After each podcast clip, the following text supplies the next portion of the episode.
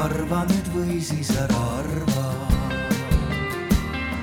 meil on küll suhteliselt hõredalt praegu kuulajaid, aga on, on kell kaksteist ja aeg alustada teadusalal järgmise aruteluga, mille keskmes on siis välisteadlased Eestis ja mul on väga hea meel, et meil on siia arutellu kaasatud nii Eesti teadlasi kui meie välisteadlasi, kes tegelikult suuresti on ka juba Eesti teadlased.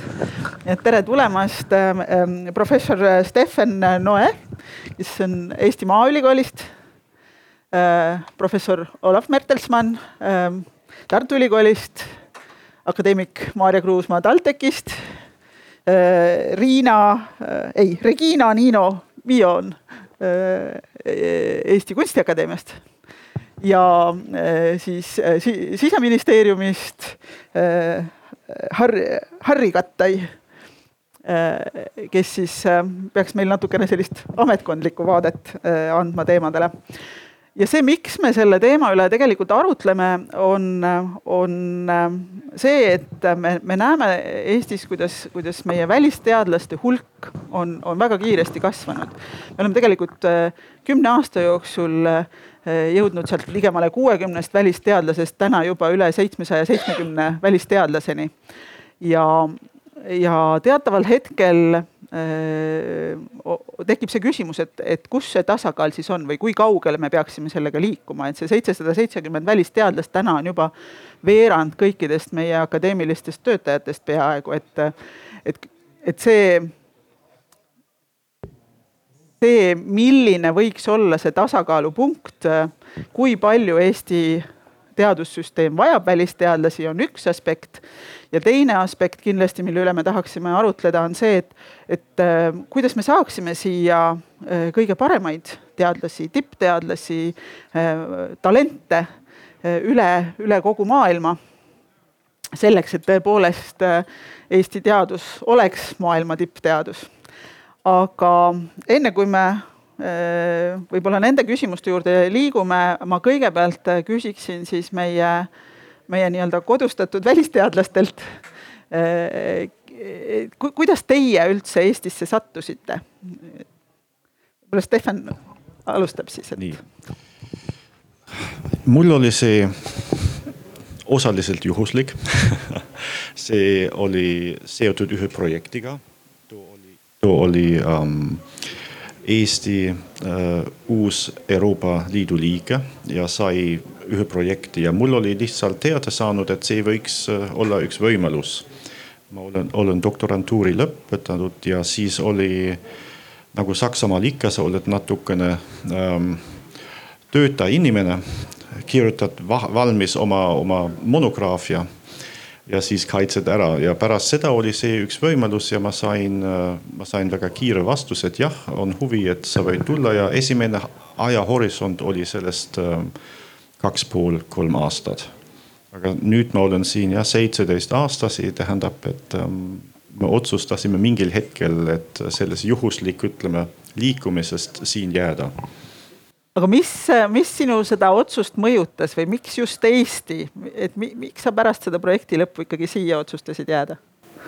ma arvan, et mul läks niimoodi, et ähm, esialgselt äh, on see küsimus, kuidas sättida endale edasi, kas sa tahad järgmine projektile äh, järele hüppama või sa tahad äh, endast midagi üles ehitada? Ja mina olen siis võib-olla ka näinud selline võimalus, et ähm, ma hakkaksin suhelda, noh, too olin Tartu Ülikooli, siis mul on äh, varsti ka sided nagu Helsingi ülikooli, siis hakkaks äh, natukene laieneda see, see ring ja, ja, ja Tartu on ka observatoorium Tõraveres, seal oli ka mõned äh, inimestest, kellega me saame kohe koostöö teha. Ja, ja siis oli see võib-olla hetk, et sa näed, jah, siin saad edaspidi endale huvitav teadusala üles ehitada, mitte ainult midagi jälgida mhm. või, või teha, siis, siis sa saad midagi uus teha.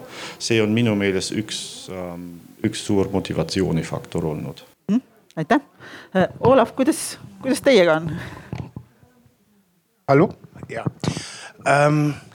nagu alati, cherchez la femme ühe otsi naist ähm, ühe tudengineiu tõttu ma tulin äh, ühe semestri äh, Tartusse.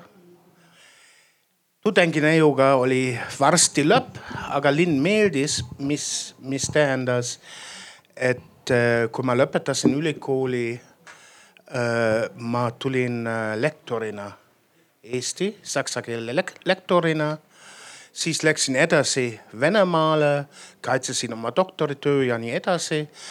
ja kukkus lihtsalt niiviisi välja, et mul oli ka Eesti abikaasa. et siis me otsustasime, et prooviks Eestis elada ja leida püsiva töökoha.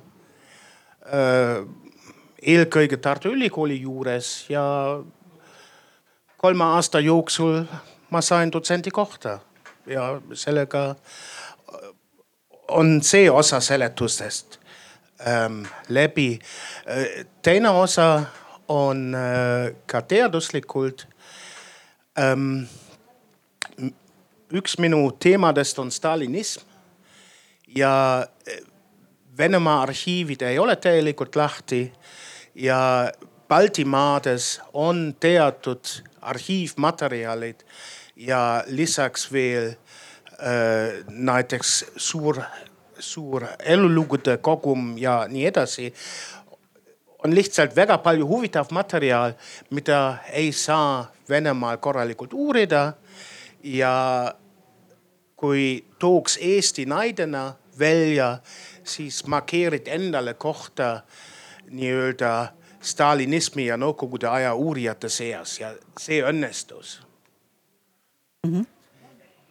teise sõnaga ähm,, kui need korralikud arhiivid Eestis ei olnud, ei oleks olnud, siis mul ei oleks mingi perspektiiv äh, äh, ennast nii-öelda kõrgemale töötada aitäh, see, see ikkagi sellest peegeldub välja, et, et seal äh, välisteadlaste siis Eestisse tulemisel on ühelt poolt siis nii selline sotsiaalsed põhjused kui ka teiselt poolt ikkagi kogu see nii-öelda teadustaristu ja see, mida meil pakkuda on, et, et need võimalused siin äh, oma uurimissuundi välja arendada, nagu Stefan ütles ja tegelikult Olev, see on ju ka teie puhul see, et, et see teie koht seal selles äh, stalinismi uuringutes on samamoodi on ju siin äh, tänu sellele Eesti kesksusele just saanud äh, välja areneda. aga ma küsin Riinalt, et teie olete nüüd see inimene, Regina, vabandust. et äh, teie olete see inimene, kes on läinud Eestist välja. et mis, mis selle nii-öelda liikumise motivatsiooni taga on olnud?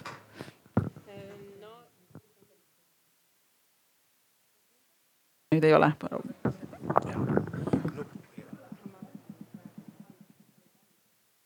kas nüüd on kuulda? see algas sellega, no ütleme, selline välismaale minek oli mul juba doktorantuuri ajal ka, et ma käisin siis Toora stipendiumiga Pariisis pool aastat ja siis nagu kogu aeg oli selline huvi minna ja vaadata, kuidas väljas, väljaspool Eestit ka tehakse teadust ja kuidas äh, loenguid peetakse ja nii. aga minu selline pikemaajalisem minek algas sellest, et ma sain ähm, Šveitsi, ma täpselt ei mäleta nüüd, kuidas selle asutuse nimi oli, aga Šveitsi valitsuse vist mingi projekt oli, et toetada siis Ida-Euroopa riikidest ähm, doktorante, et siis nagu arendada koostööd äh, ka nende riikide vahel. ja mul õnnestus saada see stipendium, et äh, oma doktorantuuri siis äh, lõpule viia Šveitsis, Fribourgi ülikoolis.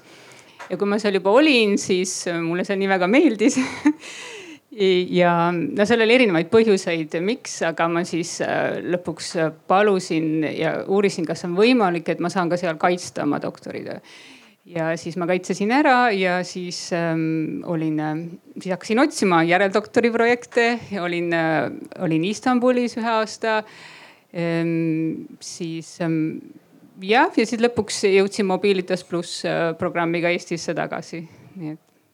aga kui sa mõtled oma kogemuse peale, mida see selline rahvusvaheline liikumine sulle nagu andnud on?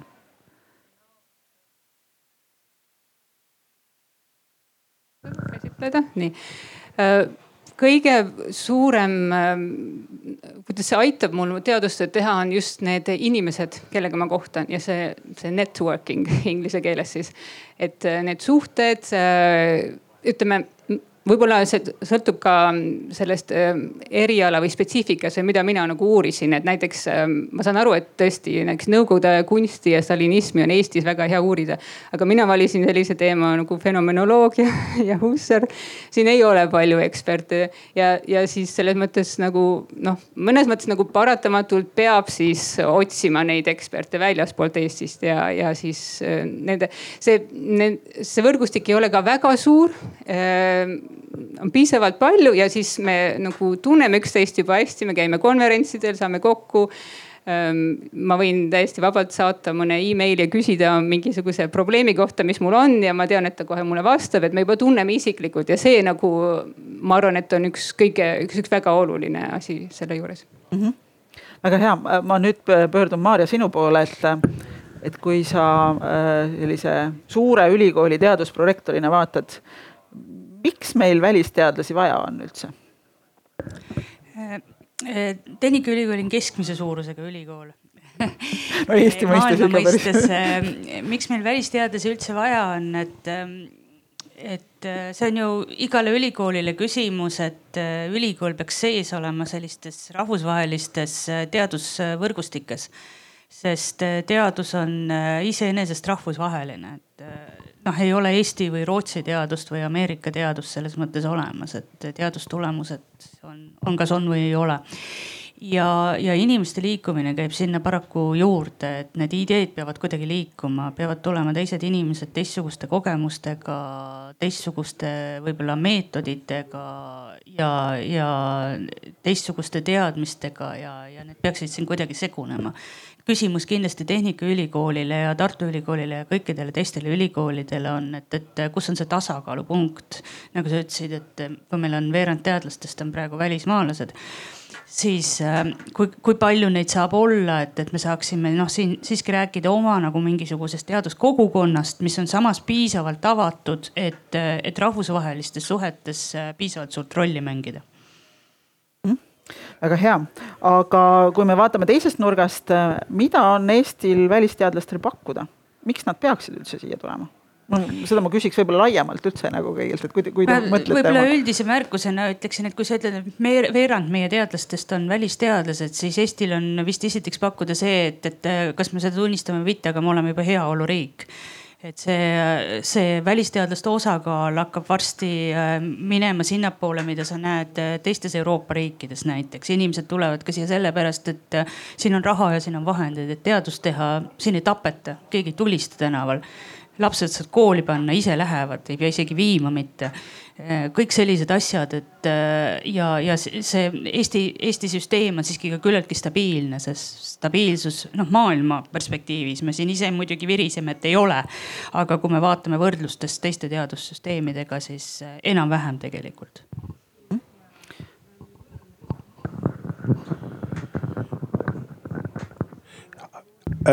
teaduse all, vähemalt ajaloolaste jaoks on Eestis pakkuda äh, tipptasemel arhiiviteenindus. selle su-, ma ei ütle, et Eesti arhiivindus, mis on omaette teadusharu, oleks tipptasemel, aga see, need teenused arhiivides on nii hea, nii kiire ja ma olen igal pool arhiivis käinud ja nii kiiresti, mugavalt äh, kasutajasõbralikud arhiivid nagu Eestis ma ei ole iialgi näinud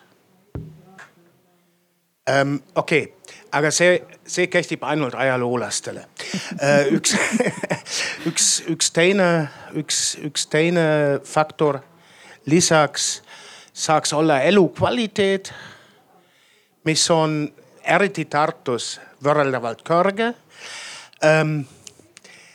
heaolu, ütleme niiviisi äh,, teadlaste palgatase ei ole veel konkurentsivõimeline või võib-olla Lätiga ja Mold Moldovaga ja Ukrainaga, aga ähm, see läheb veel väga palju soovita mm. -hmm aga kui ma küsin vahele kohe, et, et, et kui see palgatase on selline ikkagi Lääne-Euroopa riikidega suhteliselt nagu ähm, kehvakene võrreldes, et, et mis siis ikkagi on see, mis, mis siia toob, et, et kas ainult see nagu infra või midagi veel?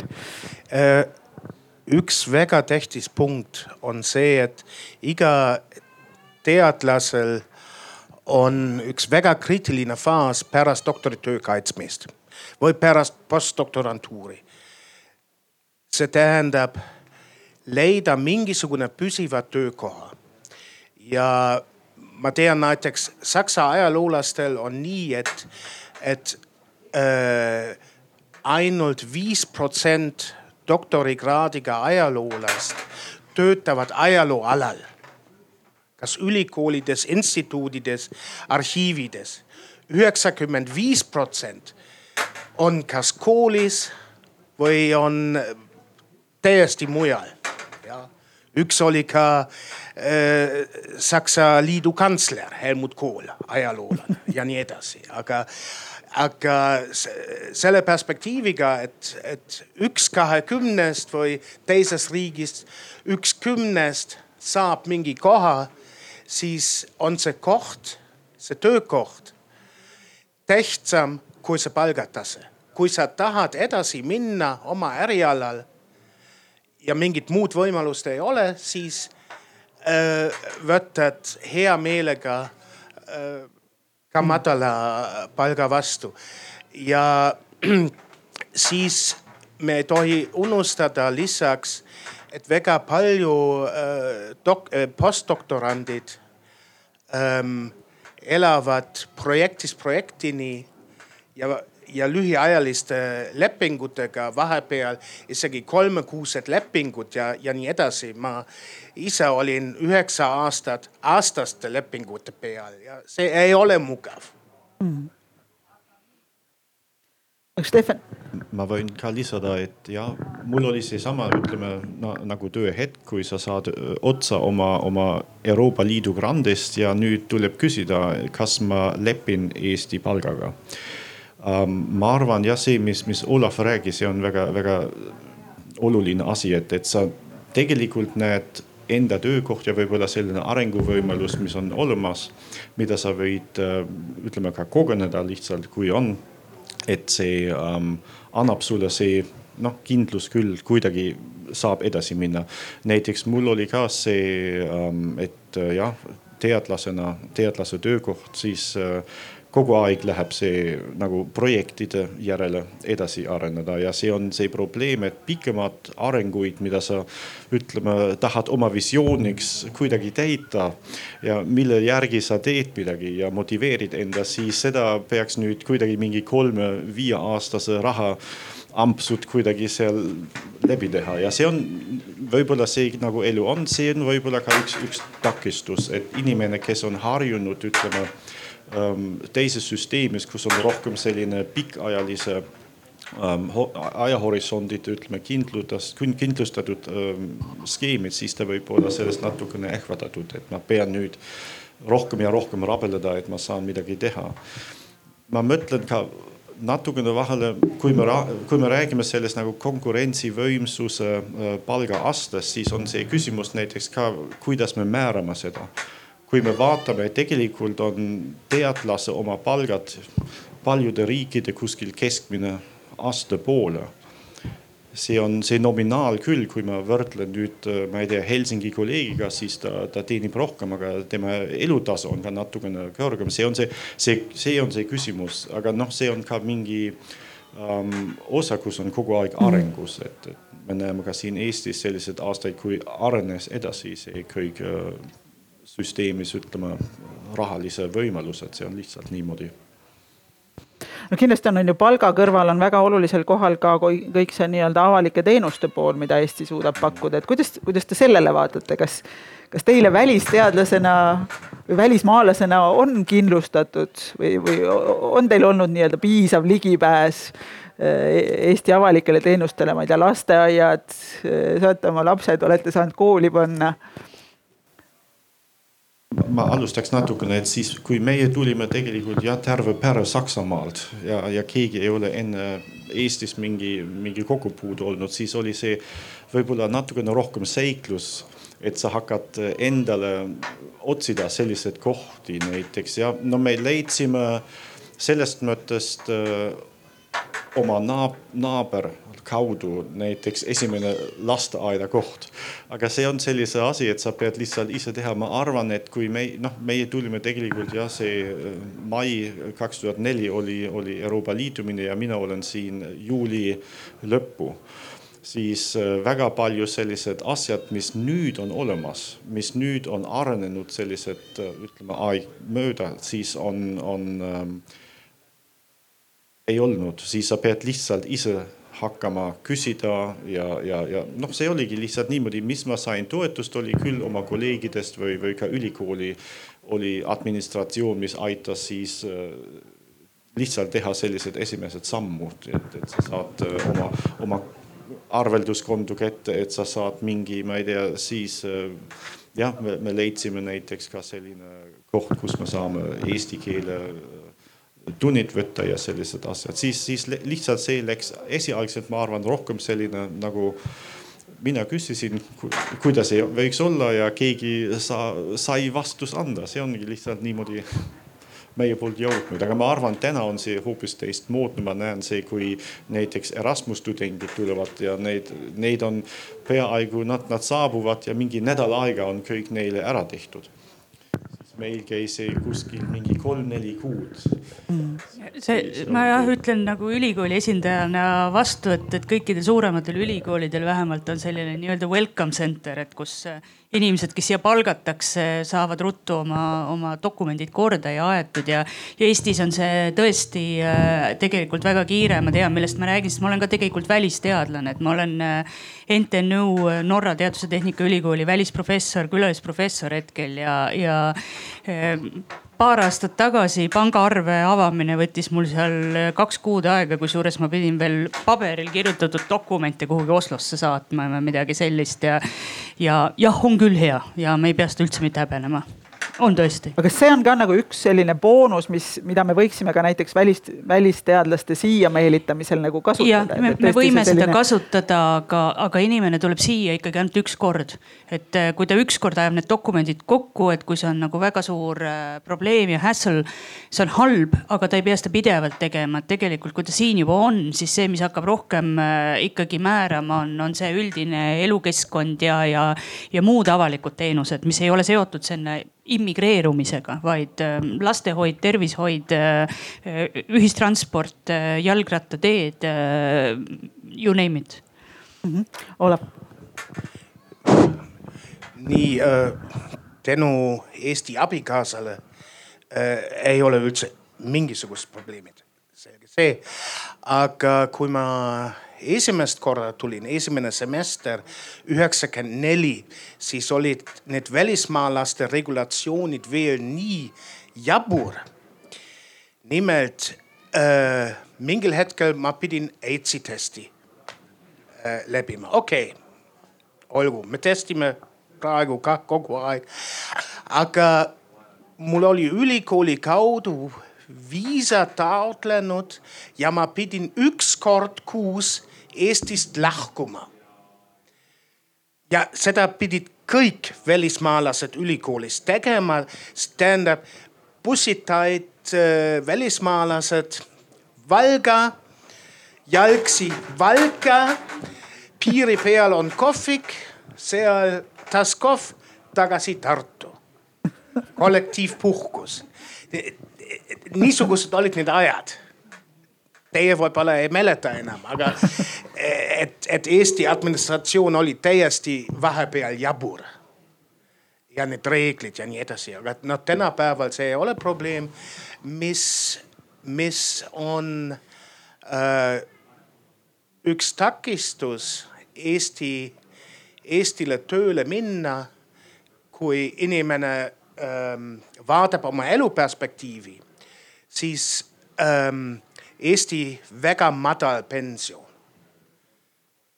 see tähendab, see tähendab praegune keskmine pension on, on kaks kord, on viiskümmend protsenti Saksa sotsiaalabist. okei okay,, Saksamaal on hinnad natukene kõrgemad, aga noh, tähendab, kui keegi rikkamast riigist äh, tuleb, et Eestis elada, töötada, siin jääda, siis, siis kui ta on mõistlik, ta peab väga palju lisaraha pensioniks koguneda, sest muidu on ta vaene Eesti pensionär nii on. Äh, üks teema, mis, ähm, mis meil ka siin eelnevalt läbi käis korra, oli, oli see, et, ähm, et äh, kuidas meil. Ühesõnaga, kui me vaatame nagu äh, Eesti riigi sead-, seisukohast, siis meil on väga suureks murekohaks tänaseks ähm, kasvanud eestikeelse kõrghariduse jätkusuutlikkus. ja loomulikult see küsimus, et kui meil on välisteadlased kes enamasti ei räägi, meil on siin küll väga head näited, kes, kes räägivad väga head eesti keelt, aga kes, kes tegelikult enamasti ei räägi eesti keelt. ja nende osakaal järjest kasvab. Siis kuidas me sellest olukorrast saaksime üle või kuidas me saaksime nagu leida selle tasakaalu ühelt poolt selles osas, et me tõesti tahaksime sellist rahvusvahelist teadlaskonda, rahvusvahelist teaduskeskkonda ja teiselt poolt me tahame ikkagi seda omaenda eestikeelset kõrgharidust äh, pakkuda, et äh, on teil äkki mingeid selliseid häid mõtteid ja ettepanekuid, et kuidas seda võiks, kuidas seda võiks korraldada? Üks ähm, selline arvamus, mis siin minu mõlemalt poolt on Olafil ja Stefanil läbi käinud, on ikkagi see, et, et inimesed on äh, huvitatud sellest, et pikas perspektiivis oma teaduskarjääri üles ehitada. Et kui äh, ülikool äh, on, on suuteline pakkuma sellist pikka pikka vaadet, et sa ei ole siin mitte aasta väikese lepinguga ja siis vaatame, kas sa saad veel aastaks lepingu. siis äh, suureneb ka see motivatsioon sinna keeleõppesse panustada, eks ole, et kui sa näed endal äh, perspektiivi saada tenuuriprofessoriks, olla tenuuriprofessor. sul on rahastus äh, tõenäoliselt järgmiseks kümneks aastaks, kui, kui mitte midagi hullu ei juhtu, siis see investeering, mida sa teed nii keerulise keele õppimisse, see hakkab ennast siis ära tasuma kui sa tuled siia noh pooleteiseks või, või ka kolmeks-neljaks aastaks eh, järeldoktori grandiga. ja sa tead, et pärast seda sa oled võib-olla Tšiilis või oled Hiinas või, või oled Hispaanias, mis on hoopis teise keelkonna keeled, et seda investeeringut teha.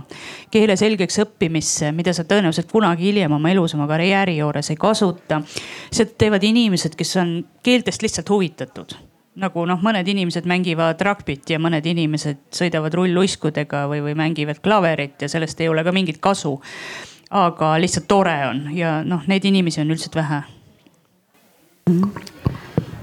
ma arvan, et see on ähm, minu poolt näiteks on, kui ma olen nüüd metsanduse professor ja see, see valdkond on tegelikult seotud siin Eesti, Eesti oma ähm, peamise tegemine. see tähendab, et tudengid, mis tahavad sinna minna, nad äh, näevad enda oma, ütleme noh, elutee sellest, et nad jäävad siin, nad on metsnik, nad võtavad siin mingi töökoht, ma arvan. teine punkt on, enne ma olen sellest äh, metsanduses, ütleme rohkem tehtud, siis ma tegin pigem selline rahvusvaheline teaduse värgi, siis on lihtsalt niimoodi, et sul on ähm, suurema ähm, selline ingliskeelne seltskond ümber. ja seal on võib-olla ka see, mis, mis määrab sellest, kui me vaatame kõik neid nagu sotsiaalset nagu, nagu poliitika ja, ja, ja arstiteadust.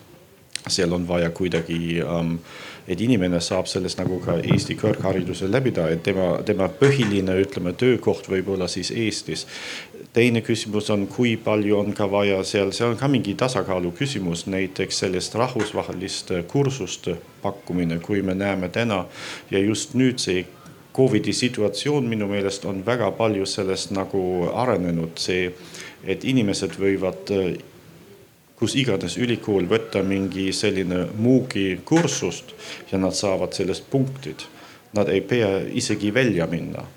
Ja, ja see on näiteks teine küsimus, kui palju sellest ähm, kaasa mängida või mõned, mõned ähm, noh teaduskonda on ka vaja selline ähm,, sa, sa, sa pead ka lisaks enda ütleme ähm, keelearendust sellest, see spetsiifika, mis on, mis on sellest valdkonnast vaja, võib-olla ka areneda, et ähm,, et Eesti ütleme, tudeng saab aru, kuidas ta ennast räägib sellest nagu rahvusvahelisest, ütleme noh platvormist, seda on tegelikult ka see, see koht, mida, mida tihti on, et äh, ei ole nii loomulik, et ma lähen lihtsalt kuskil ja ma saan aru kõigidest, mis seal räägiti, neil on kõik omaenda ütleme salasõnad ja, ja asjad, mis, mis tuleb äh, aru saada. sellest mõttes ma arvan, see on selline tasakaalu küsimus jällegi mm. -hmm. kas pakkuda ainult see või ainult see on alati mingi halb idee, aga, aga see, see kuidas seda nagu areneda, see on, on küll mm. -hmm. Olev. ma arvan, et see probleem ei ole nii suur, nagu ta paistab praegu. sellepärast, et äh, kui üks neljandik teadlastest on välismaalased, aga äh, välismaalaste äh, osakaal korraliste õppejõudude sees on tunduvalt väiksem. sest enamik välismaalased on kas projekti kaudu teaduri kohal, vanemteaduri kohal ja eesti keel ei ole ohus, kui laborikeel on inglise keel või vene keel, see, see on kamakaks ausalt öeldes ähm, aga et äh, viia, viia äh, need välismaalased ka õppejõu kohale ja ka eestikeelse õppe äh,, õppesse. selleks on kindlasti ka ülikoolide ähm, toetus vaja ja väga hea tasemel äh, eesti keele võõrkeelena õppe. ja noh, praegu eesti keel võõrkeelena baseerub Eestis eelkõige äh, sellest, et vene emakeele rääkijad peaksid eesti keelt omandama koolis. see on see põhisuund, aga täiskasvanud äh, välismaalased, kes töötavad teaduses ähm, selle metoodikaga ja didaktikaga noh, eriti hästi ei katta. et aga selle taga peitub ka see probleem, et eesti keel on väike.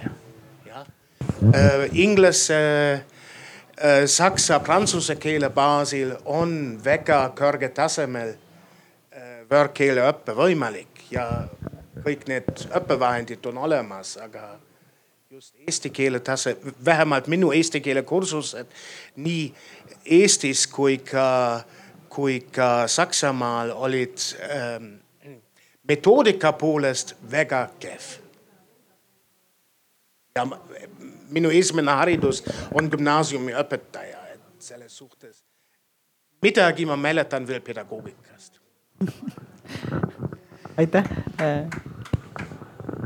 Võib-olla mainin teistpidi sellist isiklikku koha, kogemust, et, et mina olen äh, doktorantidele andnud ainepunkte selle eest, et nad Speakly'ga on keeleõppe läbinud ja, ja noh, mingisugusele tasemele jõudnud, et äh, et äh, seda peaks võib-olla süsteemsemalt tegema, et äh, sellised äh, tehnoloogilised vahendid.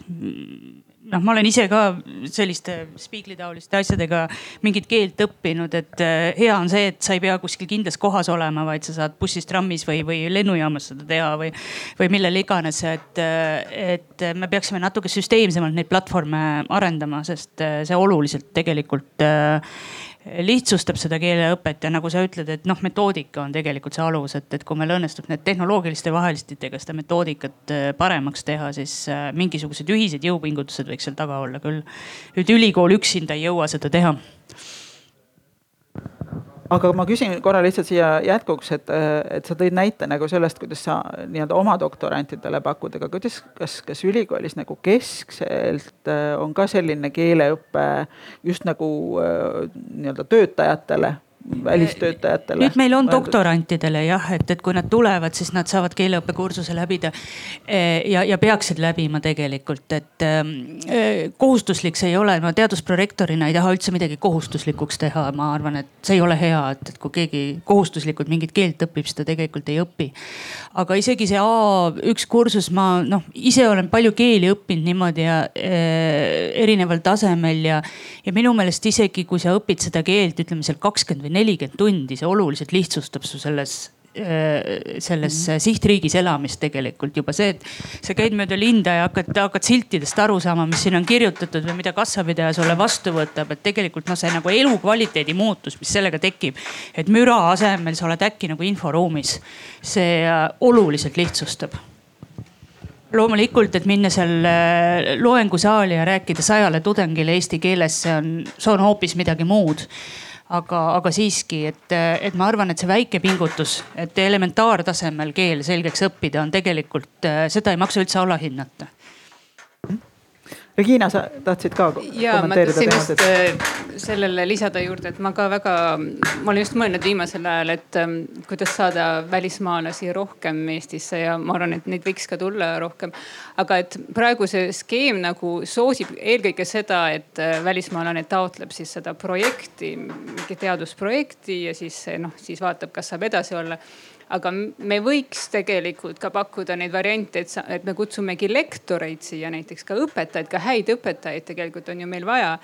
et äh, ma vaatan, et Eestis on äh, nagu tendents on see, et, et lektori koht on välja kuulutatud ja siis seal on juba kohe tingimus sees, et peab hakkama kohe esimesest päevast õpetama eesti keeles. noh, siis välismaalane ei saa üldse kandideeridagi ma vaatan näiteks Soomes, Rootsis ka lektori koht on välja kuulutatud ja seal on öeldud, et noh, eeldatakse, et siis kahe-kolme aastaga või võib-olla läheb kauem, et, et siis õpib, noh õpib ära selle keele. Ja siis see ongi nagu mingis mõttes sisuliselt ikkagi tenuuri koht, et ta teab, et et ta saab sinna ikkagi kandideerida ja siis tema kvalifikatsiooni põhjal ta valitakse sinna, mitte selle järgi, kas ta on soomlane või oskab soome keelt.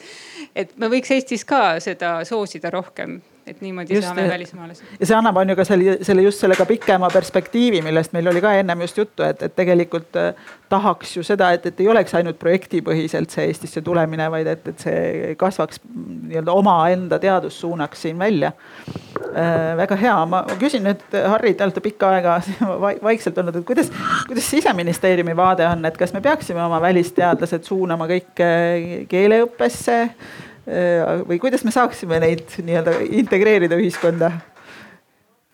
Äh, noh, üldine selline rändepoliitika põhimõte on olnud, et, äh, et soositakse ja lihtsustatakse nende inimeste tulekut, keda, kes siis panustavad ja panustavad Eesti majanduse ja ühiskonna arendusse. aga need protsessid on pikaajalised ja nii nagu praegu siit on välja tulnud, et üleüldine ühiskond, kuidas leida lasteaiakohta, kuidas koolikohta Äh, kuidas saada hakkama. et äh, need on tegelikult hästi-hästi olulised ja, ja ei tohiks lõppeda ära selle, selle võib-olla äh, nii-öelda esmase abiga, kuidas, kuidas, kui välisteadlane, välisüliõpilane tuleb siia Eestisse, vaid tegelikult võiks olla selline pikem, kuna, kuna võib-olla tulevikus läbi oma võrgustike need teadlased tulevad siia tagasi aga üks aspekt veel, mida, mida meie näeme selles konkurentsi või konkurentsi tingimustes ülemaailmses. et, et lisa, reeglina teadlased ju õpetavad, panustavad siin eri, erinevate projektidega teadusarendusse. on oluline ka, et see meie enda üliõpilased äh, saaksid siin sellist äh, konkurentsivõimelist äh, haridust, et nad ei peaks minema mujale, et nad saaksid Äh, vajadusel, kui, kui nad leiavad head projektid, võimalused muus maailmas läbi lüüa. et, et nad oleksid seal konkurentsivõimelised ja läbi selle panustada siis ka Eesti, Eesti arengusse me oleme nüüd siin omavahel pikka aega juba mõtteid vahetanud, ma vahepeal küsin ka seda, et kas äkki on kuulajatel soovi küsida või ja palun. Tere kõigile, mina olen Peep Nemvalts, Tallinna Ülikooli Teaduskeele Keskuse juhataja. esiteks üks väike kommentaar ja siis üks küsimus.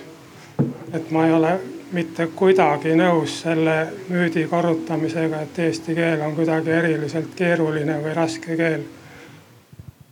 Olav noogutab, väga hea. et iga keel on omamoodi keeruline ja raske, kui seda võõramaalasena õppima hakata, aga igas keeles on oma loogiline süsteem olemas.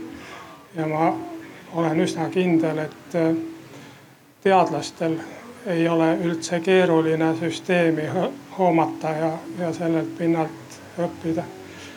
ja loomulikult, äh, kui teadlane on laboris, teeb oma töörühmas tööd, siis ta ei vaja nii väga seda eesti keelt ja ei ole ka midagi katki sellest, kui kasutatakse ükskõik siis eesti või inglise slängi seal töörühmas.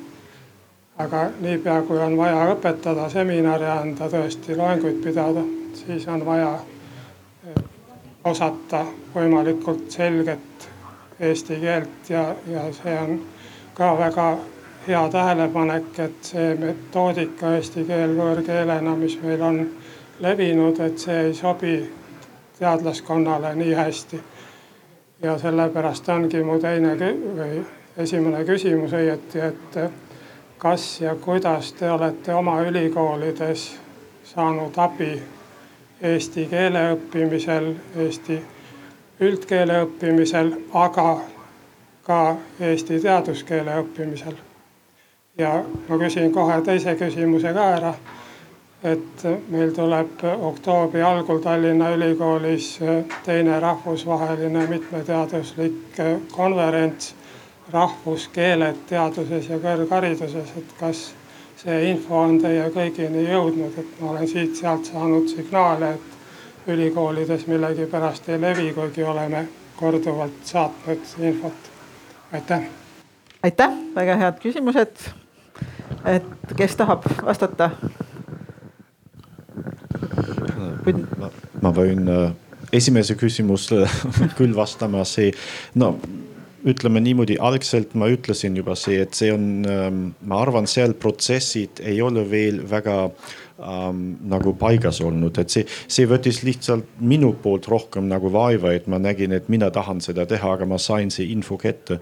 mul on aga ka tänane näiteks Maaülikool on ka selline keelekeskus ja, ja, ja ta töötab tegelikult selle ja mina isiklik on ka vahepeal võetud sellest mingi kursus, kui ta on pakutud, kus ma sain endast ka mõned asjad lihtsalt äh, paremaks õppima.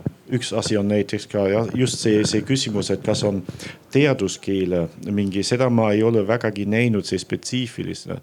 võib-olla meie oleme liiga väikene, et me te teeksime sellest niimoodi, et me rääkisime sellest nagu seal oli lõplik mingi kolm teadlased, kes on, kes töötavad nii, oma valdkonda ja me oleme esitatud enda valdkonda teisele ja selles käigus sa hakkad võib-olla mõtelda ja ka, ka vaadata, mis on üld, üldised terminid sellest, mis, mis on olemas.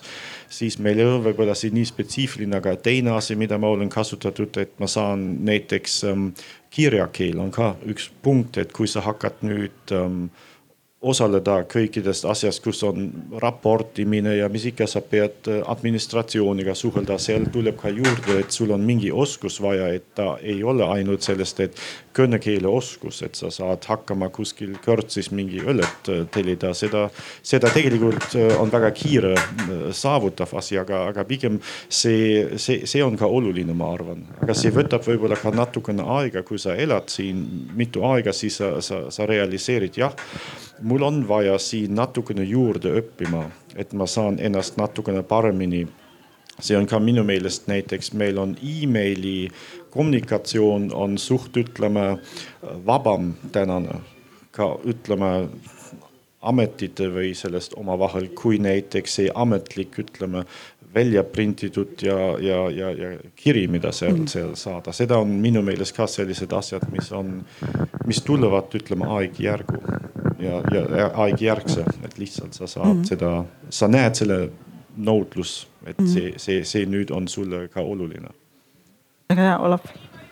nii äh, mulle pakuti äh, seda äh, eesti keele kursust aga äh, mis mi,, äh, aga eesti teaduskeelt, no ajaloolased on väga suured passiivsed keeleoskajad ehk nad loevad mitu keeltes ähm,, ei räägi, ei kirjuta, aga saavad seda keskaegse ladinakeelsest tekstist aru ja äh, samamoodi ma õppisin ära oma erialakeelt.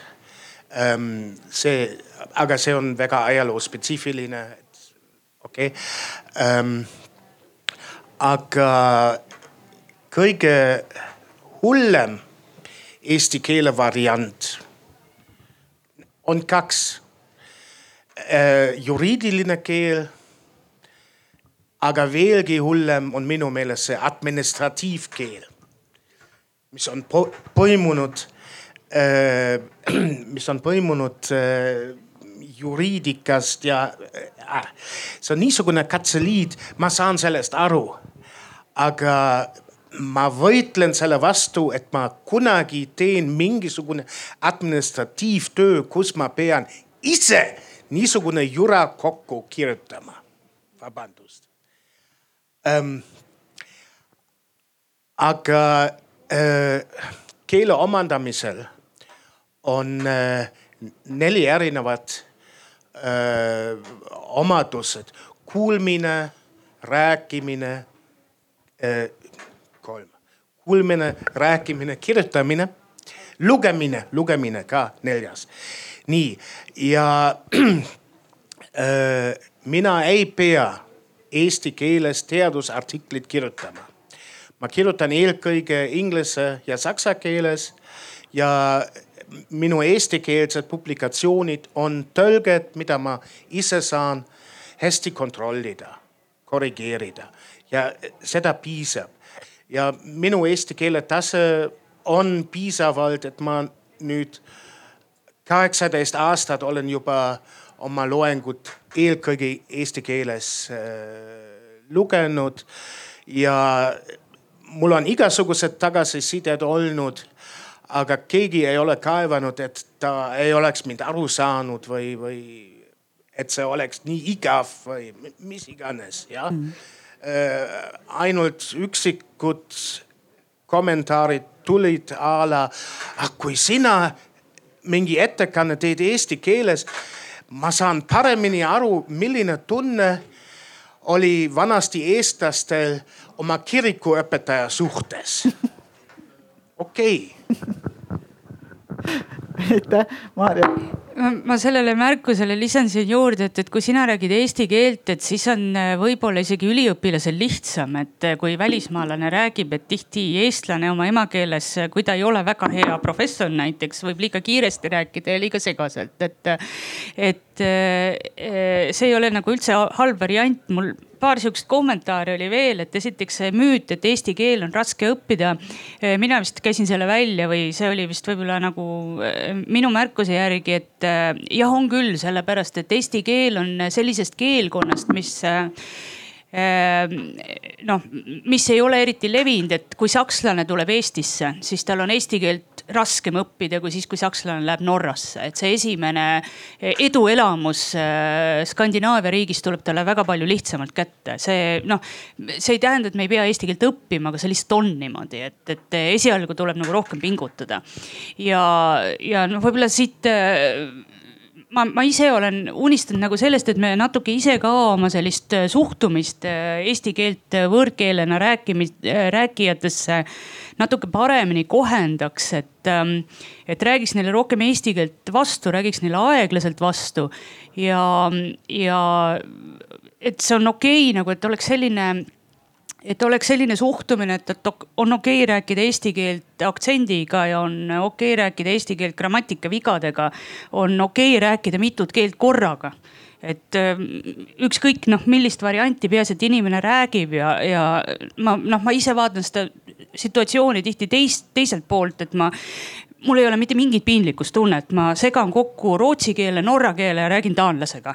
ja mul on täitsa ükskõik ja mitte keegi ei ole naernud minu üle, mitte keegi ei ole öelnud, et parandanud, et oi, seda sõna me taani keeles ei kasuta või midagi. et, et see suhtumine, see, et, et võib-olla, mis tulebki sellest, et seal on nii palju eri murdeid ja, ja, ja see on okei okay,, et igal inimesel on nagu veidikene oma sihuke individuaalne keel ja kõik on hea, niikaua kuni me siiski üksteisest aru saame et ma väga igatsen, et Eestis oleks sellist suhtumist rohkem. Äh, üks lisa veel äh, eesti keele raskusest. Ähm, keeleõppes on, on ju see esimene faas, grammatika, struktuur ja nii edasi ja siis on eesti keel raske, kui sa ei ole ise ukri-mukri. aga, aga see teine tase ähm, see väga kõrge tase on Eestis, on eesti keelega väga lihtsalt saavutada, sest eesti keel on väike, see sõnavara on väike. Kus eesti keeles on üks sõna, on suuremates keeles tihti kaks või kolm ja siis on veel erinevad keelevariandid. Austria, Šveitsi, Saksa, saksa keel, siis on umbes kümme suured saksa keele mured ja mis iganes veel, et, et see on palju raskem ära õppida. see kõrgtase, kui mingi väike keel ja eesti, eesti keel on hästi normeeritud enam-vähem. Äh, kahjuks on need mured läinud enam-vähem. Äh, on vähe kuulda, et, et siin ei ole probleem ma hobi korras või ka lisatasu eest äh, tõlgin natukene nii eesti kui ka inglise keelest. ja kui on keeruline tekst, on ta inglise keelest tõlkida palju raskem kui eesti keelest. see, see on tõesti nii sest äh, see sõnavara on väiksem ja see teeb elu lihtsamaks. Mul tegelikult äh, Stefani märkusest äh, jäi kõrva natukene kriipima see või, või tekkis üks selline küsimus hoopistükkis, et äh, see on tegelikult väga-väga hea, et te tõstsite üles teema, et, et kuidas äh, välisteadlased näiteks nii-öelda Eesti ühiskonda saavad nagu integreeruda just ka näiteks, ma ei tea, poliitika kujundamise vaatest, et tegelikult, kui me vaatame Eesti riiki või, või üldse Eesti ühiskonda, siis me, meil on sellised hästi palju selliseid mitteformaalseid võrgustikke, mis omavahel sellisel on ju sellisel niti-kriti moel on ju suhtlevad, võetakse, on ju hästi-hästi lühid, lühikesed sellised võimu nagu struktuurid on. et kuidas, kuidas te selles kontekstis nagu toimetate, et, et noh noh, see tegelikult ikkagi eeldab seda, et sa oled nii-öelda selles väga sügavalt ikkagi integreerunud ühiskonda, et sa tunned inimesi, sa tead, kellega ühendust võtta, sa tead, et, et kui ta sulle kirjutab, on ju formaalse kirja, et siis, siis see, mida ta tegelikult mõtleb, ei ole üldse see, mida ta sinna kirja on pannud. et kuidas see eh, teile äh, igapäevaselt nagu teie, teie töös äh, vastu peegeldub? no ma, ma mõtlen, et ähm, minu poolt oli see väga tihe, ütleme, kokkupuude sellest, et meil on idee, me hakkame teha sellest lobitöö, see on loomulik, et sa hakkad kuidagi reklaamida, mida sa tahad teha.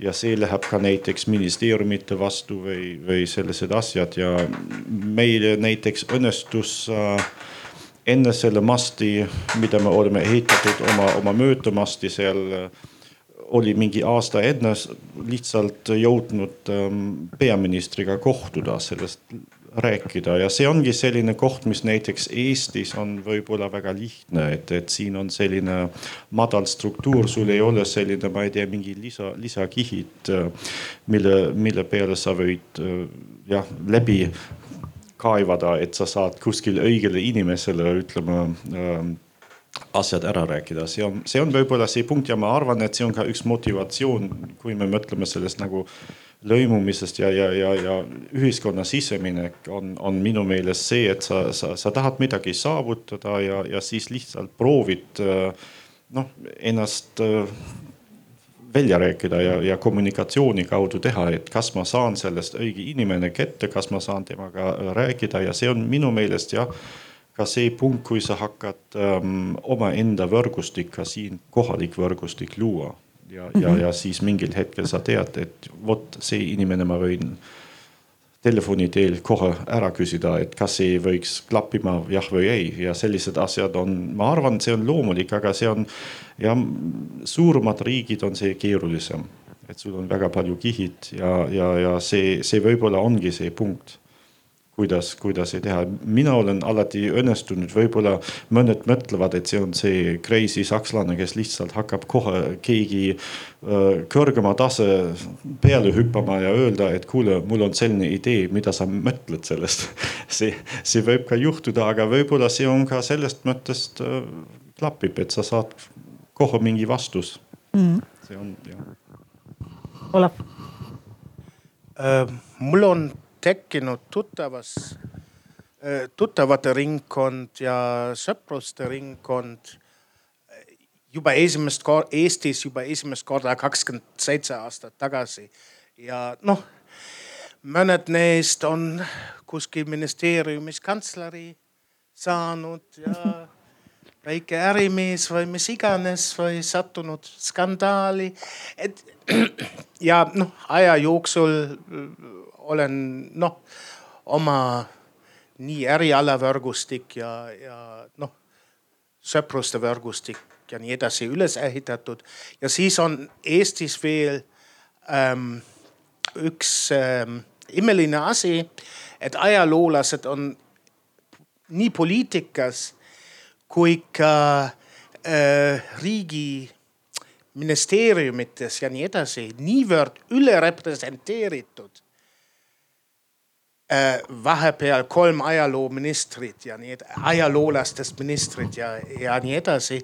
et, et mul on alati kuskil äh, tuttavad nii Riigikogus kui ka ministeeriumites ja on ja mõned on mu endised tudengid ja ma olen ka äh,, ma olen isegi süüdi, et endine Eesti luurekoordinaator ei saanud Äh, cum laude lõpetada, sest minu aines ta sai ainult C, jah, mis siis?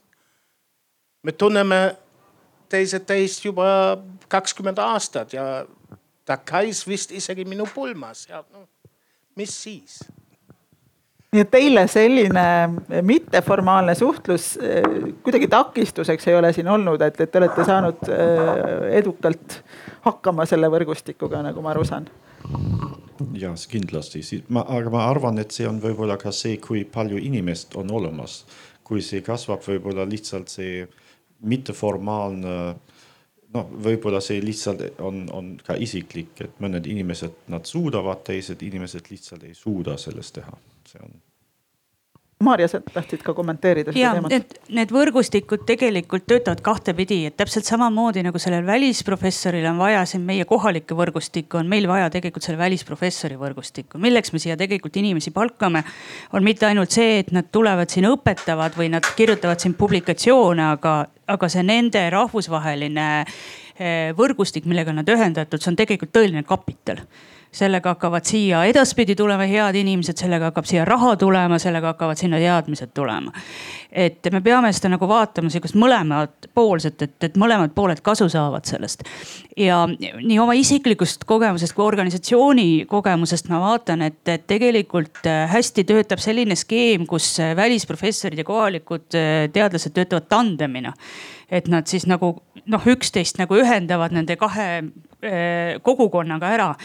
ja, ja noh, see on nagu organisatsiooni ülesehitamise küsimus ja organisatsiooni kultuuri küsimus, et noh, mis siis juhid, mina näiteks või, või keegi teine saavad teha, et, et teadlikult selliseid, selliseid tandemeid luua, kus välisprofessor tuuakse sisse ja ühendatakse kohaliku inimese kaudu selle kohaliku kogukonnaga ära nii ülikooliga mm., nii riigiga, teadusasutustega, teistega riigiametitega ja kõigega ma arvan, et see on nagu väga hea nagu näide sellest, et tegelikult ju läbi selle saaks ka nagu lahendada sedasama eestikeelse õppe küsimusi, et, et needsamad tandemid võiksid ka nagu on ju toimida ka selliselt, et sul on rahvusvaheline teadlane, kelle kõrval võib-olla on lektor, kes. täpselt, äh, mina loen eesti keeles äh, loenguid, aga minu doktorandid, kes kontrollivad kodutöösid ja juhendavad äh, tudengeid, teevad seda inglise keeles noh, ma saan kõik nende teadmise sinna sisse panna ja samas ma saan eesti keele siseneid äh, õpetada niimoodi, et noh, ma ka sa väikest viisi siiski eesti erialakeelt sellega arendan edasi.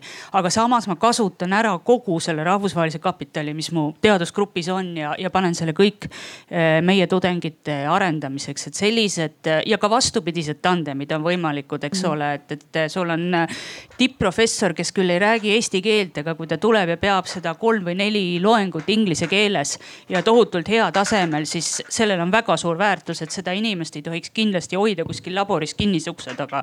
see on kõige halvem asi, mida me siin ülikoolis võime teha, et meil on kuussada tuhat maksumaksjat ja kui me siin maksame välisprofessorile palka nende väheste inimeste rahade eest, siis me peame noh kogu selle tema, tema võimekuse tegelikult rakendama selle Eesti kõrghariduse ja, ja teaduse heaks. Väga hea, ma küsin nüüd veel auditooriumilt, et kas on soovi kommenteerida, küsida? Hm, tere, aitäh. Äh, pigem kommenteerida lihtsalt äh, suurelt jaolt ka mm, just natuke tagasi nende mm, äh, sisserände teemade juurde. mina olen Siiri Kolka Eesti Teadusagentuurist ja ma esindan siis võrgustikku Eestis, mille on loonud Euroopa Komisjon ja just selleks, et toetada teadlaste liikumist Äh, Euroopasse, Euroopa riikidesse ja siin riikide vahel. ja, ja meil on siin paneelis täna sellised äh, toredad teadlased, mõnda tunnen, et äh, kes on siin juba ka pikalt olnud. ja, ja, ja tõesti räägivad kenasti eesti keelt ja, ja kellel on äh, siis, äh, siis kaugem kogemus siia tulekul. Ja võin lihtsalt lisada kommentaarina, et, äh, et paar aastat tagasi enne koroonat mul on olnud ikka komme meie välisteadlastega aeg-ajalt kokku saada mm, ja, ja nende, nende peredega üritusi korraldada neile. Ja viimasel, viimasel üritusel siis tegin väikse töötoa ja, äh, ja mille tagasisidena võin siis öelda, et äh, kindla- või noh, nii-öelda kinnitada seda, et äh, et meie vastuvõtuteenused on läinud paremaks nende hinnangul. Ollakse rahul sellega, et ka need, kes veel ei räägi eesti keelt, et nad saavad üha enam eesti või vabandust, inglise või vene keeles teenust ka otse riigiametist kellega neil on vaja suhelda. et äh, kitsaskohaks võivad olla kohaliku omavalitsuse pakutavad teenused veel, äh, aga ka seal noh, suuremates keskustes läheb asi järjest paremaks äh, meil on initsiatiivid, kes on, mis on loodud, eks ole, siin Eestis ka EAS-i all International House ja, ja Tartus, mis tegid ülikoolid ja munitsipaal koos äh, Welcoming Center'i et, mm, et selles mõttes äh, võib öelda, et üldiselt ollakse rahul ja kitsaskoht, mida mina siis äh, selle Euraccessi nimelise võrgustiku äh, koordinaatorina näen või noh, see on nüüd tõesti selline mm, mm, järjest, järjest arenenumate, et me oleme juba nagu öeldi siin, me oleme tegelikult heaoluriik, et see on üks meie selliseid meelitajaid, meelituspunkte juba siia. et need veel edukamad meelitajad suudavad äh, võib-olla neid pereliikmeid paremini katta. et, äh, et äh, on olnud käivel selline, selline fraas nagu Mm, dual careers ehk siis äh, me kutsume selle teadlase, aga me teeme kõik, mis me suudame, et, äh, et leida rakendusega tema elukaaslasele. et tegelikult see, äh, me räägime ikkagi sellisest sihtrühmast, kes ei ole enam tudengid, kellel on juba mingi vanus, kellel on oma pereplaanid või juba pered olemas. nii et, nii et mina olen kohanud seda, et, et, et hoopis just need perekondlikud asjad võivad saada nagu määravamaks et lihtsalt see, see kommentaar siia juurde veel, mis puudutab siis nende, nende rändamist. Aga, aga see, vabandust, ainult, et äh, see, et äh, siin räägiti sellest, äh, nendest lühikestest liinidest hierarhiates, et no see minu meelest see haakub natukene sellega, et ja siin Eestil on omad, omad positiivsed sellised küljed selle poole pealt, et et on lihtsam, aga muidugi oleks praegu väga huvitav kuulda ka, eks ole, mõne värskemalt tulnu, tulnu kogemust siin, et, et kuidas praegu on aitäh, meil vist äh, Regina, võib-olla oskad sina nagu seda peegeldada, et, et kuidas, kuidas siis on tulla nii-öelda välismaalt tagasi Eestisse, et, et kas, kas see teenuste pakett on sulle ka kättesaadav olnud? noh no. no., ma lihtsalt võib-olla ka kommenteerin, et, et ka meile on tegelikult ministeeriumisse jõudnud ka nagu neid küsimusi, et on ju, et ma ei tea, lasteaiakohtasid ei ole või et, et ei saa sinna kooli, kuhu sa tahad oma last panna, et kuidas see. nojah, et võib-olla tõesti mina ei ole nagu selles mõttes hea näide praegu, sest ähm, ma olen ise eestlane, Eesti kodanik ja mu lapsed sündisid ka Eestis, et ma tulin neid siia sünnitama Eestisse.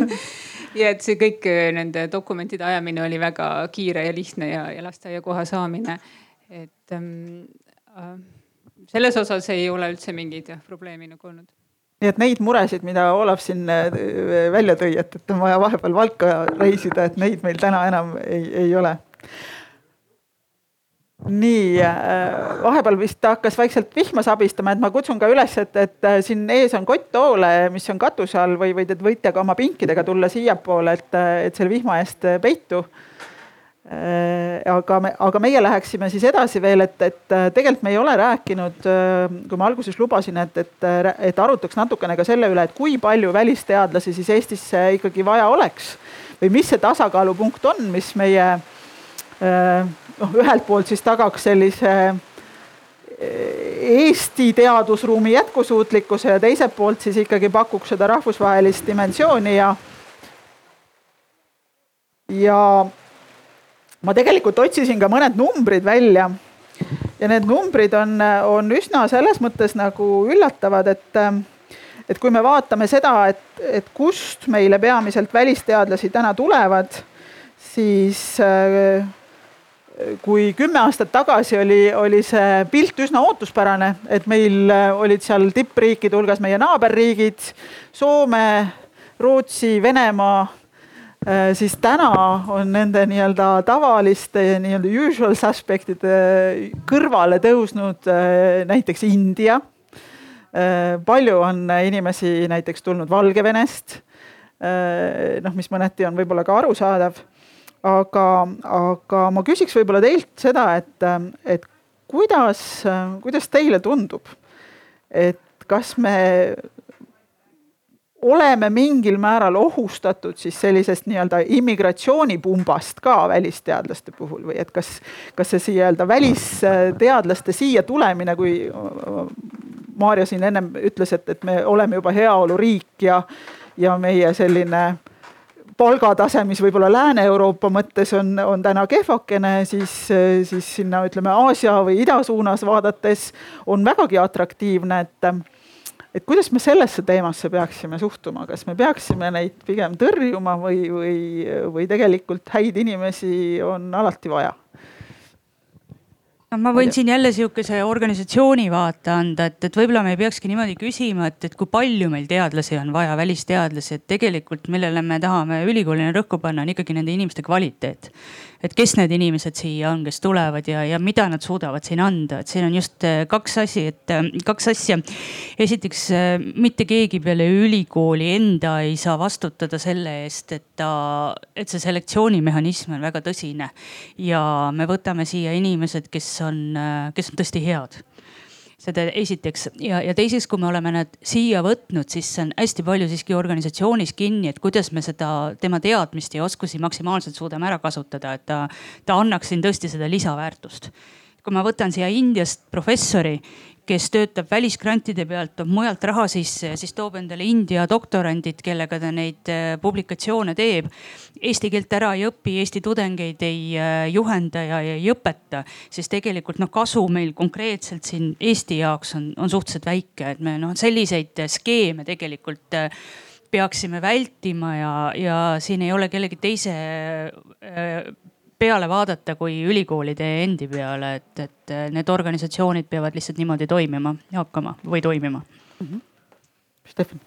ma arvan jah, see on, mis Marja on ka varem rääkinud, et sul on sellised nagu tandemi võimalused. Ja sama ma arvan, on ähm, alati niimoodi, et ülikooli esimene otsus keegi võtta on kuidagi ratsionaalne, ratsionaalne sellest, et mis on tema, ütleme ähm, valdkondlik või mis ikka ütleme lisaväärtus, mida me saame siia tuua, see on näiteks see küsimus, kas see on üldse mingi lisandväärtust ja ma arvan, jah, see on väga harva, et keegi tuleb ja võtab lihtsalt kaasa, ma ei tea, mingi mingi kümmekond või rohkem mingi tudengit ja hakkab paari aasta järjest jällegi kuskil mujale minna, see, see tegelikult on, on, ma arvan, väga harva, et see juhtub mm, -hmm. et tegelikult ma arvan, on see pigem suund niiviisi, et ähm, seal on teadmised, mis hetkel siin on võib-olla puudu või neid on natukene parem arendav selle kaudu ja siis saab seda ära kasutada. ja siis, kui ta on sellest mõttest nagu on vajadust ka siin äh, tudengit harjutada ja õppida, siis hakkab lihtsalt sellest kasvama ka siitpoolt ja see on minu meelest see, see, kuidas see käib, aga hetkel on jah äh, Tartu Toomemäel peal on seal see näitus ja see on ilus, et sa saad seal mingi, ma ei tea, me ei ole kõik neid ära loetud, kui palju on, aga üle kümne neid on, kus on lihtsalt nägu ja nimi. ja kust ta on tegelikult pärit, Šveitsist, Rootsist, ma ei tea, Saksamaalt. kõik olid välisteadlased ja esimene rektor seal, Parot oli ka prantslane, siis me näeme, et see on väga pika um, ajalugu juba, et, et -hmm. um, see, see toimub niimoodi ja ma arvan, et see nagu jah, see, see oht, et see hakkab nagu täitsa selline nagu pagulaspumma töötama, on sellest mõttes just sellest ratsionaalsest otsusest, kuidas me tahame selline inimene siia, ütleme jah, paigaldada, võiks nii, nii rääkida, siis, siis, siis on see maru väike, ütleme. See, see ei ole nii, et seal suvalist inimene tuleb ja hakkab nüüd öelda, et nüüd ma olen siin see, see ei juhtu minu meelest, see on väga mm. normaalne see. nii migratsiooni kohta äh, on minu jaoks tähtis mitte kust keegi tuleb, vaid kes tuleb. Soome asotsiaalne joodik ei ole eriti teretulnud, aga Afgaani tippspetsialist. miks mitte? Miks mitte. mis puudutab nüüd migratsioon üldse, esiteks Euroopa Liidu sees on see kõik vaba ja kui Türgi päritoluga Prantsuse kodanik siia tuleb, siis ei ole mitte mingi viisil võimalik seda äh, äh, seda takistada see selleks, aga äh, need teadlaste arvud, ka välisteadlaste arvud on veel väike võrreldes näiteks välistudengite arvuga. mõned välistudengid äh, on tulnud rahaliste programmidega. Nende äh,, ma olen ka umbes viisteist aastat juba ka need välistudengid õpetanud ja mõned on nii kehva tasemel. aga siiski suutsid Eestis jääda. see, see välistudengite küsimus on, on palju kriitilisem kui, kui äh, see teadlaste küsimus, sest need saab välja korjata need, kes on laisad, kes ei viitsi, kes, kes on kehva kvaliteediga ähm,. ja tegelikult kõige suurem migratsioonipump Eestis on ju see tööjõuvajadus ja Eesti tööandjad tahavad võimalikult palju ukrainlasi, valgevenelasi ja nii edasi sisse. aga see on Eesti valitsuse ja Eesti valijate otsus.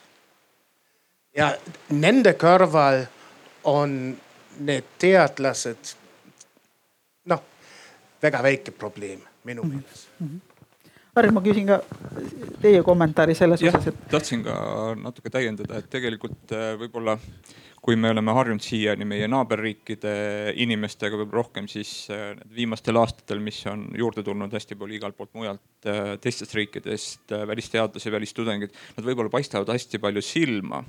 aga, aga, aga siiski ma toetan eelkõnelejaid, et, et tegelikult kõik tulevad nagu konkreetse eesmärgi pärast ja, ja, või kasvõi siia õppima ja, ja edasi arendama ennast, siis, siis me võib-olla ei tohiks nagu teadlasi hakata sildistama ainult sellepärast, et ta tuleb kuskilt sellisest riigist, mis, mis meie jaoks tundub natuke, natuke kauge või, või imelik, et ikkagi inimesed tulevad siia ju konkreetse eesmärgiga panustama, aitama kaasa Eesti teadlast, saama ise kogemust, viima tagasi seda Eesti kogemust oma riikidesse.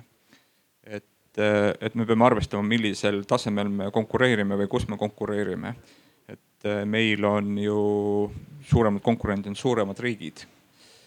ja, ja, ja tahes-tahtmata me peame, peame olema võrdväärsed nendele, arendama ennast edasi äh,, aitama kaasa ka nende teiste riikide arengule ja, ja arendama oma võrgustikku mm. -hmm Maarja, selles äh, samas kontekstis äh, tegelikult äh, siin eelnevates vestlustes sa korra tõid ka nagu seda teemat üles, et, et meil on nagu mõneti ka nagu selline moraalne kohustus oma nii-öelda idanaabritele, just endiste siis postkommunistlike nagu riikide teadlastele pakkuda seda võimalust, et nad saavad siia nii-öelda noh, läänelikku teadussüsteemi tulla ja oma teadust teha, noh, kui me räägime siin kasvõi needsamad on ju Venemaa või, või Valgevene teadlastest, et, ähm, et see, see on justkui nagu meile ka mingi selline moraalne kohustus.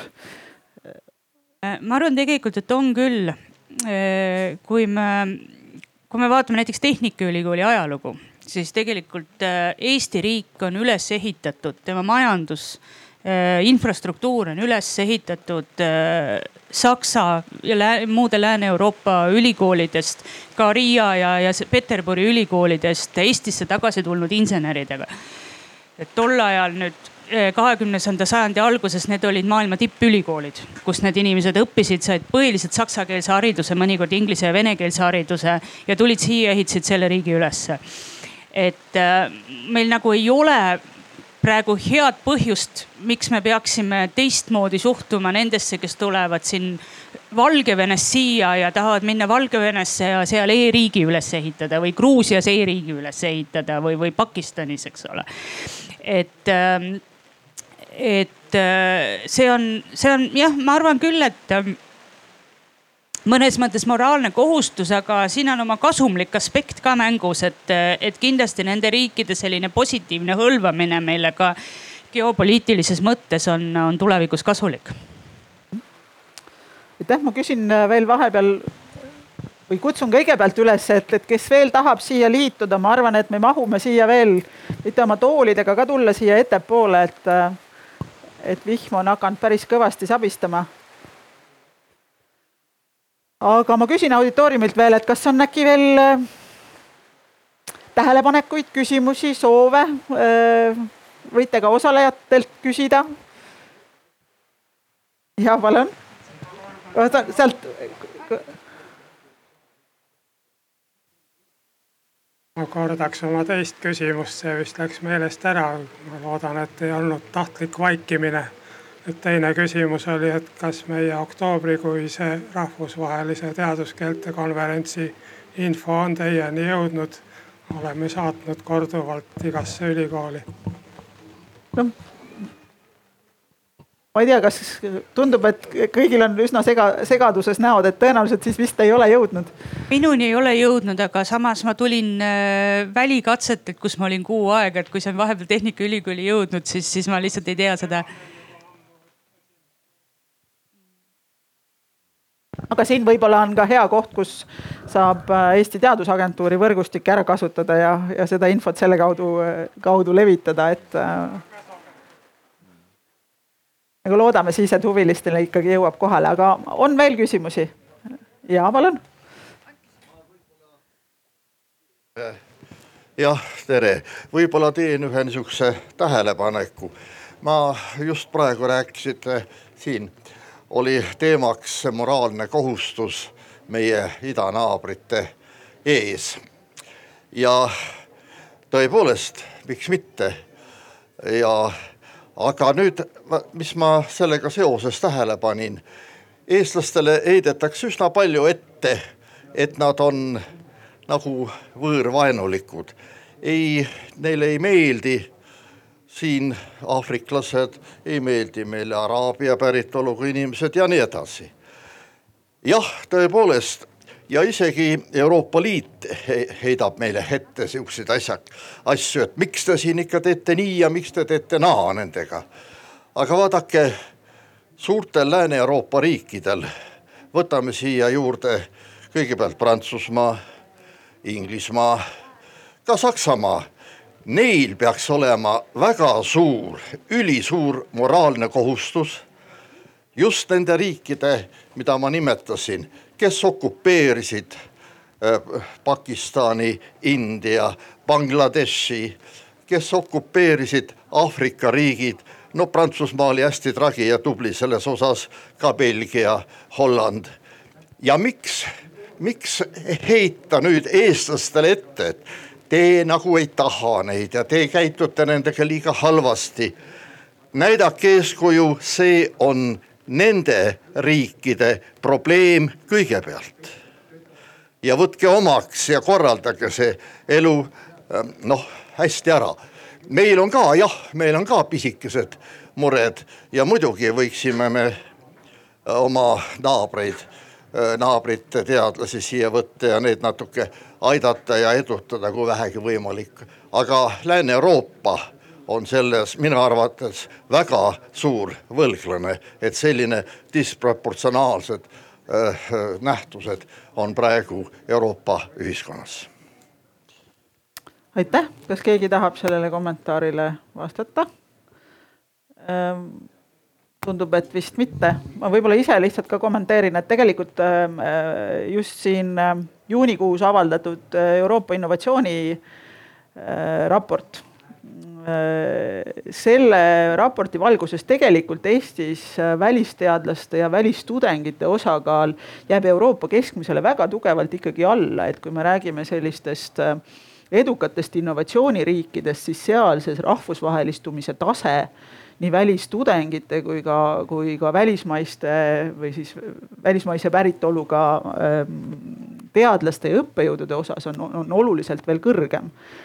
Et, et see oli ka meile nagu suureks üllatuseks, sest meile nagu mõnes mõttes ministeeriumi poole pealt nagu tundub, et noh, et mingisugune selline nagu küllastumise määr võiks olla nagu juba saavutatud, et noh, väga palju ja väga-väga suurt nii-öelda kasvu enam ei näe aga tõepoolest, kui me võrdleme näiteks ennast Hollandi või, või Belgia või, või isegi ka Skandinaavia riikidega, siis, siis äh, selles valguses jääb ikkagi meie äh, nii-öelda välisteadlaste ja välisõpp-, välistudengite osa ikkagi veel, veel suhteliselt tagasihoidlikuks aga meie aeg hakkab vaikselt ümber saama, et ma teeksin ühe, ühe ringi veel siin kokkuvõtva ringi ja, ja nii-öelda kasutades juhust, et teil istub siin moderaatorina laua taga teaduspoliitika osakonna juhataja, siis ma küsin teilt tegelikult praegu sellist ühte soovitust, et mida peaks riik tegema selleks, et me saaksime siia kõige paremaid välisteadlasi.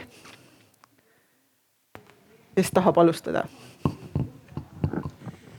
Teadus peaks olema paremini rahastatud. väga lihtne. minu abikaasa töötab äh, majanduses ja on ainult magistrikraadiga, aga saab professori palka.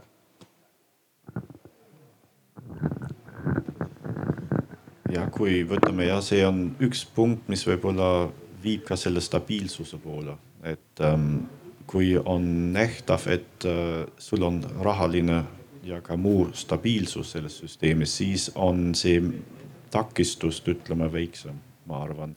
ka nii, et ähm, see lõpp-palga number võib olla nii nagu esimene otsus olla, see on hetkel võib-olla küll, kui keegi tuleb, kus on kolm korda kõrgem palga, siis ta lihtsalt mõtleb, et kas ma saan üldse sellest ära elada, see, on lihtsalt see normaalne, ütleme, hirmupunkt aga ma arvan jah, see teised faktorid on, on ka oluline. Ja ma ei tea, kas neid on väljaspoolt ütleme nähtav inimestele, siis ma arvan, on ka see, mis, mis sa räägid enne, et näiteks me näeme, et Indiast palju inimesed tulevad näiteks, see on mitte ainult Eestis, see on igale poole niiviisi, et neid, kes on ähm, veelgi madalama tase, neid, nende ütleme takistus kuskile minna on lihtsalt vähem ja, ja see on võib-olla see punkt, et äh, ja siis tuleb võib-olla panna, noh, paika panna mehhanismid, kuidas seda juhida paremini, see on võib-olla see põhiline punkt ka mm. -hmm.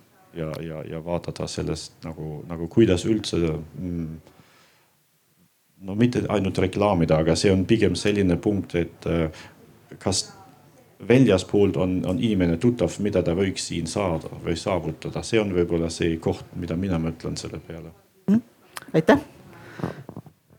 mina võib-olla lisaks seda, mulle väga meeldis see mõte, mis siit enne välja käis, et kui tuleb teadlane või keegi, et siis tema pereliikmetele ka leitaks mingi võimalus ja neid toetada, et seda võiks ka kohe kõrgemal võib-olla riigi tasandil mõelda.